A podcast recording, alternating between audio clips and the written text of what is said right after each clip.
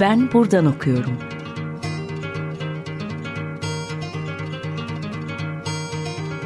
Edebiyat ve başka şeyler.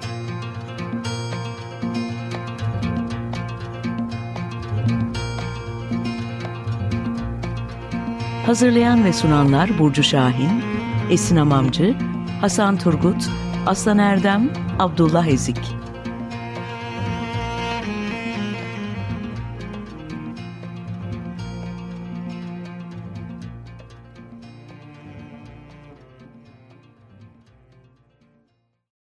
Herkese merhaba. 95.0 Açık Radyo'dasınız. Ben Abdullah Ezik. Bugün Ben Buradan Okuyorum e, programının yeni bölümünde Daniel Kolant ile birlikte Serveti Fünun dergisi üzerine konuşacağız. Öncelikle teklifimizi kabul ettiğin ve bugün bizimle olduğun için teşekkürler Daniel. Merhaba, ben davetine teşekkür ederim. Berlin'den selamlar. E, ben kısaca Daniel'in e, biyografisinden bahsetmeyi istiyorum öncelikle. E, Daniel Kolant e, lisans derecesini Leipzig Üniversitesi'nde, yüksek lisans derecesini ise Münih Üniversitesi'nde tamamladı. Kendisi bu süre içerisinde İstanbul Üniversitesi'nde ve Boğaziçi Üniversitesi'nde bulundu. E, doktora eğitimini ise e, Berlin'deki Fahir Üniversitesi'nde tamamladı ve kendisine aynı üniversitede doçent olarak da çalışmalarını devam ediyor. E, Daniel geçtiğimiz aylarda, e, daha doğrusu geçtiğimiz haftalarda doktora tezini tamamladın. Doktora tezin oldukça ilginç bir konuya Servet-i Fünun dergisine değiniyor. E, Daniel'in doktora tez başlığı Making an Universal in New Time, A History of Late Ottoman Turkish Magazine Servet-i Fünun. Öncelikle e, ben Servet-i Fünun dergisinin senin ilgini nasıl çektiğini ve bu dergiye nasıl yaklaştığını merak ediyorum. Bir de biraz bu doktora sürecinden ve Servet-i Fünun dergisinin senin ilgini nasıl çektiğinden bahsedebilir misin Daniel? Sağ ol, sağ ol. Çoğu zaman e, olduğu gibi e, bu kaynakla yani beni sonradan o kadar heyecanlandıran Servet Fünun'la daha yakından ilgilenmem biraz tesadüftü dergiyle ilk temasım master tezim için uygun bir kaynak bulma sürecindeyken gerçekleşti. Tezimde 9. yüzyılın sonunda iki farklı coğrafyada yayınlanan ve Orta Doğu'ya ait olan iki derginin teknolojiyle ilgili fikirlerini ve söylemlerini mukayese etmek istedim. Ve bir tarafta Kahire'de Arapça olarak çıkan uzun vadeli Al-Muktataf adlı e, aylık dergiyle ele alacağım için Diğer tarafta Türkçe'de çıkan ve benzer bir biçimde uzun vadeli ve eş zamanlı olan bir dergi aradım. Sevdefin'in bunun için süperdi. Tezde e, ele alacağımız sorular şunlardı. O dönem teknoloji hakkında nasıl konuşuldu? Nasıl ümitler, hayaller ve beklentiler vardı?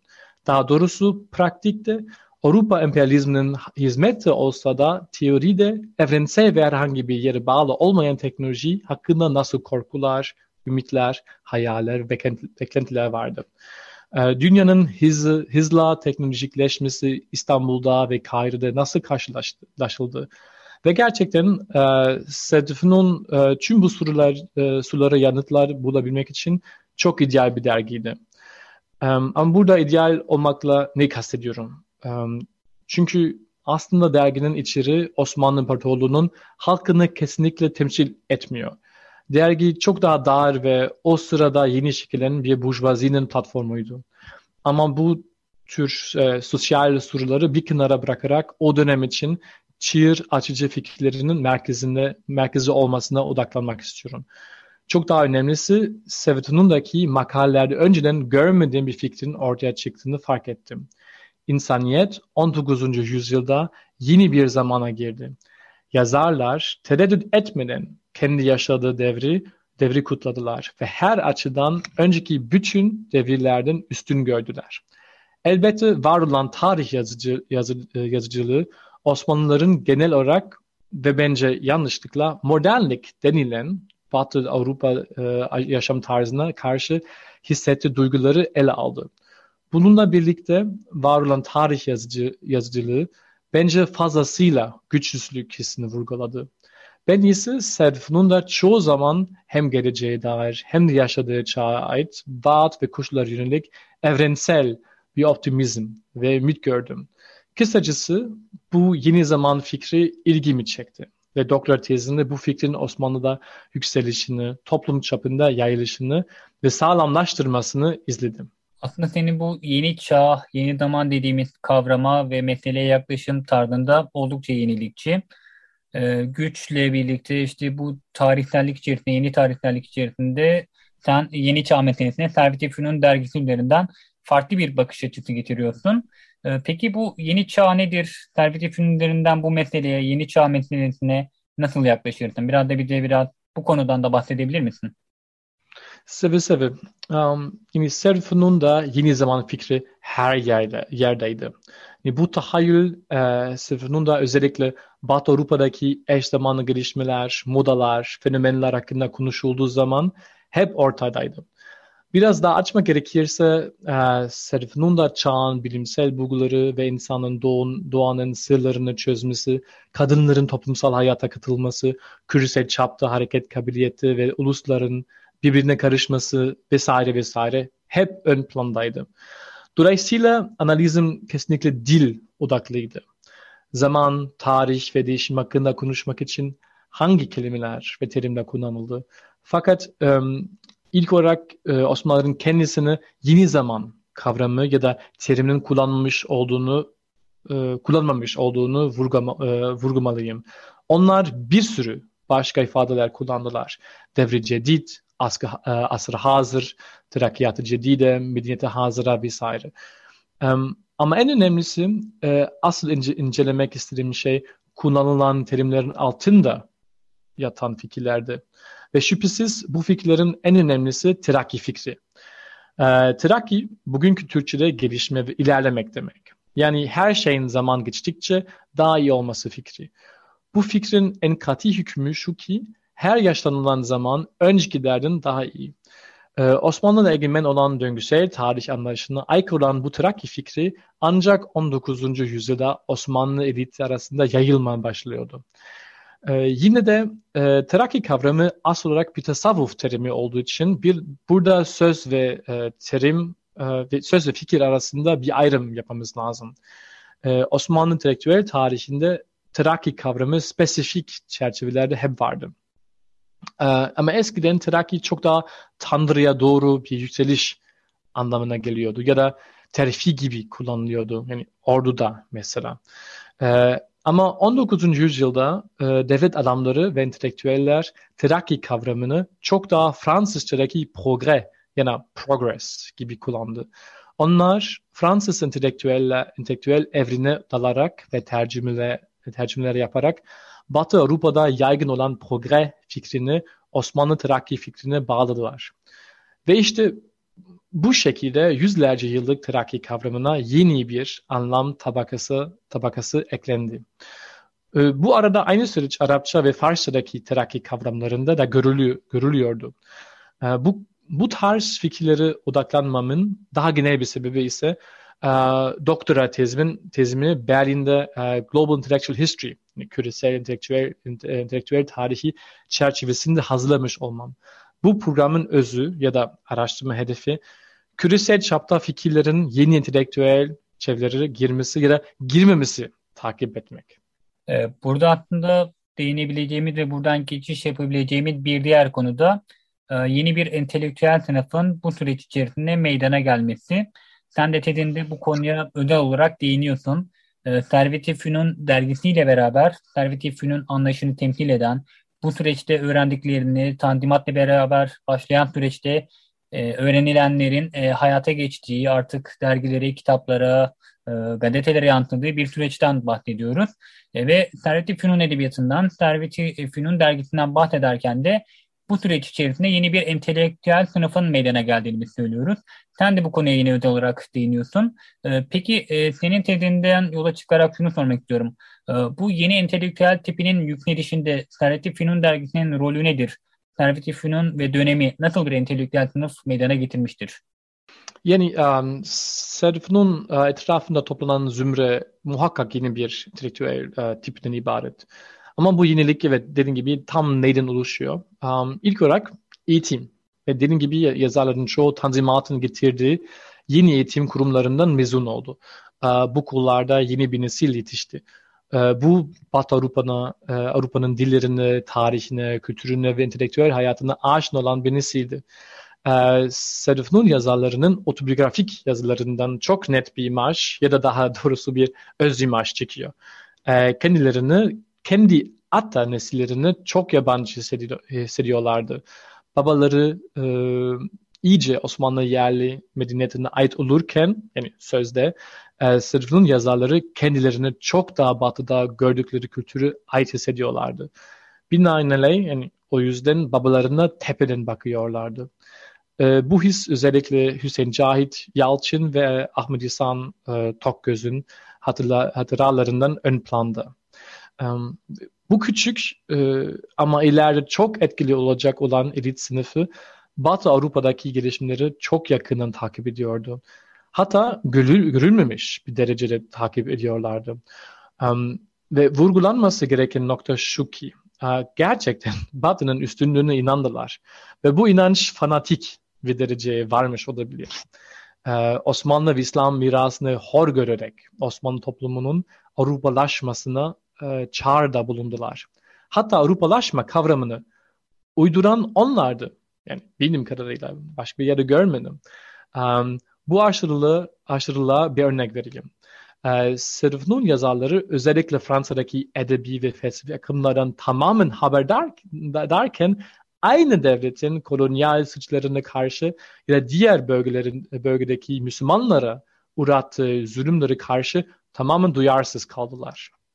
E, programımızın burasında kısa bir ara verebiliriz Daniel. E, açık Hı. Radyo dinleyicileri için bugün ne çalmak istersin bir de? E, ben Özdemir Erdoğan'ın Gurbet şarkısını e, teklif etmek istiyorum. Şimdi hep beraber Özdemir Erdoğan'dan Gurbet'i dinliyordu halde. 95.0 Açık Radyo'dasınız. Ben buradan okuyorum programına Daniel Koland ile birlikte kaldığımız yerden devam ediyoruz. E, Daniel şimdi de sana e, kavramlar tarihi üzerinden bir başka soru sormak istiyorum. E, kavramlar tarihi son yıllarda özellikle üzerinde daha sıkı bir şekilde çalışılan ve Osmanlı tarihiyle de daha yakından ilgilenen farklı metinlerin doğmasına neden oldu. E, sen de e, tezinde tekamül ve inkılap kavramlarına kavramlar tarihi açısından farklı bir perspektifle yaklaşıyorsun ve Servet-i bu kavramların nasıl kullanıldığına, nelere tekabül ettiğine dair önemli verilerde bul- bulunuyorsun. E, sen e, Servet Fünun dergisinden yola çıkarak tekamül ve inkılap kavramlarına dair neler söylersin? Evet çok çok doğru, doğru söylüyorsun. Yani e, kavramların tarihi gerçekten Osmanlı tarih yazımında yani yeni bir program olarak çıkıyor ve inşallah ileride çok daha e, çok daha önemli olacak ve ben de yani bu e, bu yani bu programla devam edeceğim ileride yani e, ee, inşallah yani yeni bir e, gayret hareket görüyoruz o, o konuda. E, soruna devam, e, soruna geri için. E, evet yani tezin, tezin de düşünce tarihine ait olduğu için e, ben de bu fikirleri kapsayan kavramları ele aldım. E, en önemlisi geç Osmanlı toplumundaki yeni zaman tahayyülünü anlamak için bilhassa zamansal kavramları inceledim. Yani temeddün ve Trakya gibi tarihin geri çevrilemez değişimini gösteren ve söz veren kavramlar. Ee, benzer bir şekilde inkılap ve tikamü kavramları elit kesimde hakim olan tarihin değişimi algısı onların arzularını ve beklentilerini çok net ifade ediyordu. Ama e, bu iki kavram biraz daha sonra ortaya çıktı. Temeddün ve Traki sözcükleri Osmanlı düşünce hayatına 1860'lı 60'lı yıllarda gir, girdiyse e, tekamül ancak asrın sonunda billurlaşmıştı. E, dahası e, tekamül ancak Fransızca e, bir kavramın çevirisi olarak yaygınlaştı. Evolüsyon yani evolution için. E, diğer bir deyişle e, Osmanlı entelektüellerini, e, entelektüelleri evrim teorisi hakkında konuşmak için bu sözü yarattılar. Ee, bununla birlikte ilk bakışta tekamül evolution'ın en uygun tercümesi gibi görünmüyor. Çünkü e, Arapça kaf, mimlam kökünden türediği için e, tekamül çok daha mükemmelleşmek demek. Um, ama öyle tercüme süreç ama öyle tercüme e, süreçlerinde tesadüf ve farklı anlamdırma stratejileri hep bir rol oynuyor. Um, Arapçada mesela e, evolüsyon nüşu yani büyüme olarak çevrildi. Yani o da tesadüf ve çok uyum, uymayan bir e, kavram olabilir. E, ama yani son olarak e, Osmanlı düşünce hayatında tekamül, her şeyin doğa kanununu gereği yavaş ve daimi değişmesi anlamına geliyordu. Bu kavram yani özellikle e, Asus'un ve yine de özellikle ikinci meşrutiyet döneminde e, şekillenen sosyoloji e, disiplini yaygındı. E, ve aynı zaman tam o dönemde e, inkılap kelimesi Osmanlı siyasi dilinde e, de egemen olmaya başlıyordu. E, inkılabın Arap ve İslami İslam siyasi düşüncesinin çok uzun bir devamlı var. Arapça köküne baktığımızda aslında e, tersine çevirme demek. E, anlam açısından da e, çok devrime benziyordu. O ke- kelimenin kökünde de devir ve daire yani halka var. E, ilerleme fikrinin etkisi altında inkılap döngüsel anlamını kaybedip da çok daha terakki yolunda hız ve külli bir değişim anlamına gelmeye başladı. Um, onun dışında 19. yüzyılın son son yıllar son yıllarında Osmanlı entelektüeller inkılap kavramını Fransız ihtilalinin tahayyül, tahayyülüyle karıştırma başladılar. Um, inkılabı her şey kökten yenileştiren bir hamleyi bağdaştırdılar. İnkılap e, özellikle Balkan Savaşları felaketlerinin sonra hızlı ve bütünsel bir reform programı teşvik etmeye çalışan bir elit tarafından kullanıldı. Yani bu elit hem toplumsal hem zihinsel geniş bir inkılap talep ediyordu. Dolayısıyla yani bu örnek de bize kavramların siyasi ve toplumsal ro- rollerini gösteriyor. Terakki, tekamül ve özellikle inkılap kavramı insanları harekette geçirmek ve siyasi programları meşrulaştırmak için kullanıldı. Aslında tam da burada bir başka meseleye, paralel giden bir başka meseleye gelebiliriz. Ee, sen hem bir kavram olarak hem de içerik bakımından evrimin yine bu dönemde Servet-i Fünun'da ve Servet-i Fünun edebiyatında özellikle üzerinde durulması gereken bir başka mesele olduğunu söylüyorsun. Peki hem evrim teorisi hem de bir kavram olarak evrim e, Servet-i Fünun'da nasıl bir yankı bulmuştur? Um, yani en başta vurgulanması gereken nokta şu ki um, Osmanlı'da evrim teorisinin yayılışı daha kapsamlı bir naturalist paradigma kaymasının bir parçasıydı. Yani 18. yüzyıldan beri Avrupa'nın her yerinde bilim insanları yeni bir enerjiyle, gayretle doğanın sırlarını çözmeye kalkışıyor, kalkışıyorlardı. Dahası 19. E, yüzyılın jeoloji, biyoloji, antropoloji ve en sonunda sosyoloji gibi yeni bilim disiplinleri insanlara yeni bakış açıları getirdiler. E, bunların en önemli e, önemlileri şunlardı. Hayatta tesadüf yoktu, yoktur. Hayatın her ufacık fenomeni evrensel doğal kanunlarına kanunlarına göre gerçekleşir. İkinci, e, doğa sürekli değişiyor. Dolayısıyla doğanın bir tarihi var ve tabiatta her şey uzun bir tekamül sürecinin bir neticesi. E, doktora tezimde gösterdiğim gibi bu iki iddia Osmanlı evrimciliğinin merkezindeydi. De, e, bunun dışında e, ve bunun dışında insanın bu çerçevedeki yerinin ne olduğu e, Osmanlı evrimciliğinin e, evrimciliğin pardon evrimciliğin en şıkkışmili sorusuydu. Yani insan yaratılışının yaratış yaratış yaratılışının pardon. Yani insan e, yaratılışının sonra ne kadar değişmiş ve ne kadar değişecekti. E, ve Sevrif'in e, çevresindeki genç mülkiyeli ve tibi, tibiye mezunları tekamül naz, e, e, nazariyesinin yani e, evrim teorisinin sözcüsüydü.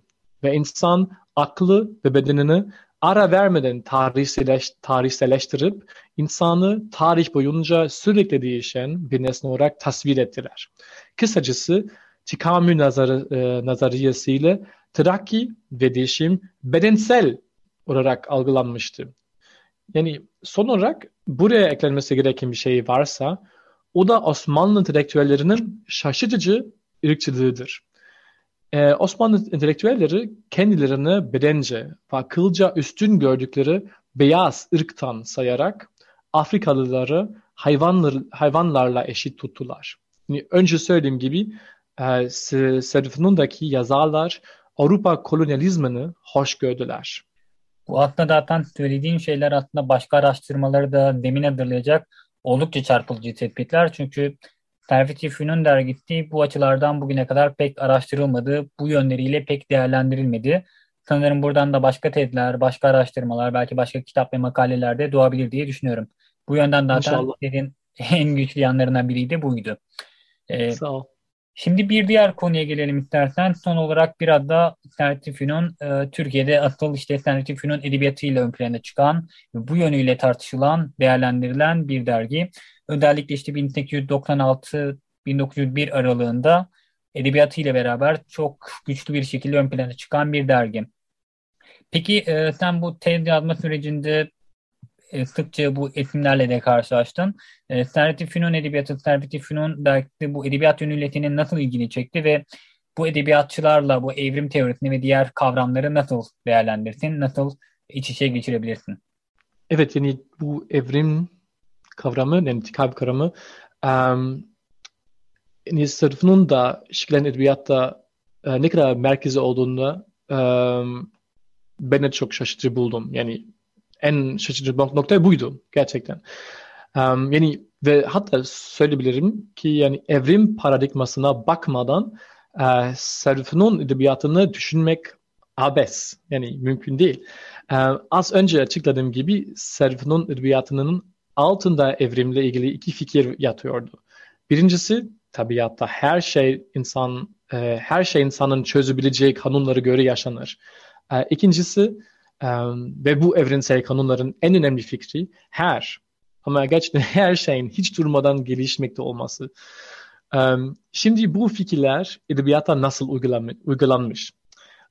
Her şeyin evrensel kanunları takip etmesi e, özellikle Serif'in romanlarında uygulandı. E, bilhassa Aşk-ı Memnu ve Elü romanlarında. E, bu iki romanda yazarlar e, cerrah ya da doktor gibi doğa kanun, kanunlarına bakarak ana karakterlerin ana karakterlerinin ruh halini teşrih yani analiz ediyordu. Um, her şeyin sürekli değişmesi paradigmasına ise um, özellikle Serif'in şiirinde rastlanıyor. Serif'in şiirinin ideali incelik ve hassaslık, yani incelik yani e, rikat e, ve hassaslık tahassüs olduğu için e, iyi bir şair olmak için en gerekli şart gelişmiş ve ince sinirlerinin olmasıydı. E, ve genel olarak sinirler e, kesinlikle o dönemin en konuşulan e, şeyleri, aras, şeyleri arasındaydı ve bunu bilmiyoruz. Yani Osmanlılar çok konuşmuşlar sinirler hakkında. Asaplar her yermiş. E, her yerde gerçekten. Um, ama yani, yani hem Avrupa'da hem Osmanlı'da bir, bir insanın sinirlerini sinirleri direkt aklın gelişmesine bağlanıyordu. Yani evrimi bağlanıyordu. Um, diğer bir deyişle Serif'in yazarlarına göre çok ince ve rakik sinirleri e, olan bir şairin beyninin sözde duyarsız bir köylünün beyninden ya da Afrikalı birine ait bir beyinden daha gelişmişti. Daha gelişmişti. E, bin, yani bunun e, binaenaleyh bu yüzden e, Serif'in yazarları kendi şahsi ve ince şiirlerini evrimin zirvesi olarak gördü ve kutladılar.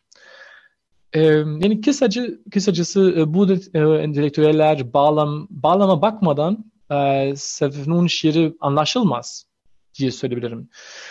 Ve e, yani son olarak evrim teorisi aynı şekilde Serif'in yazarlarının önceki nesille hissettiği bağlantıyı şekillendirdi. Yani Nami Kemal ve Şemsin Sami gibi yazarlar yeni Türk edebiyatının kurucusu olarak kutla, e, kutlandıkları halde kendilerini daha ilerlemiş bir kademede saydılar.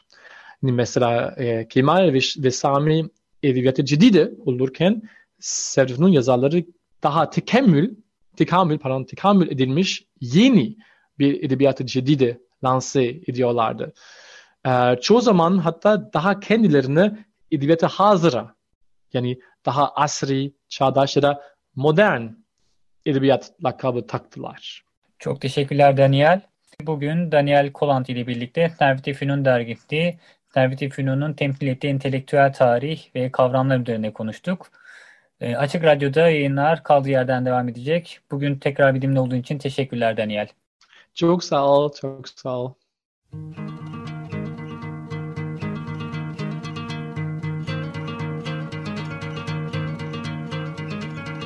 Ben buradan okuyorum.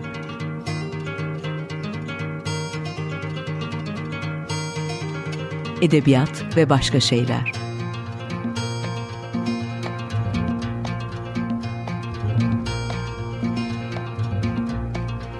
Hazırlayan ve sunanlar Burcu Şahin, Esin Amamcı, Hasan Turgut, Aslan Erdem, Abdullah Ezik.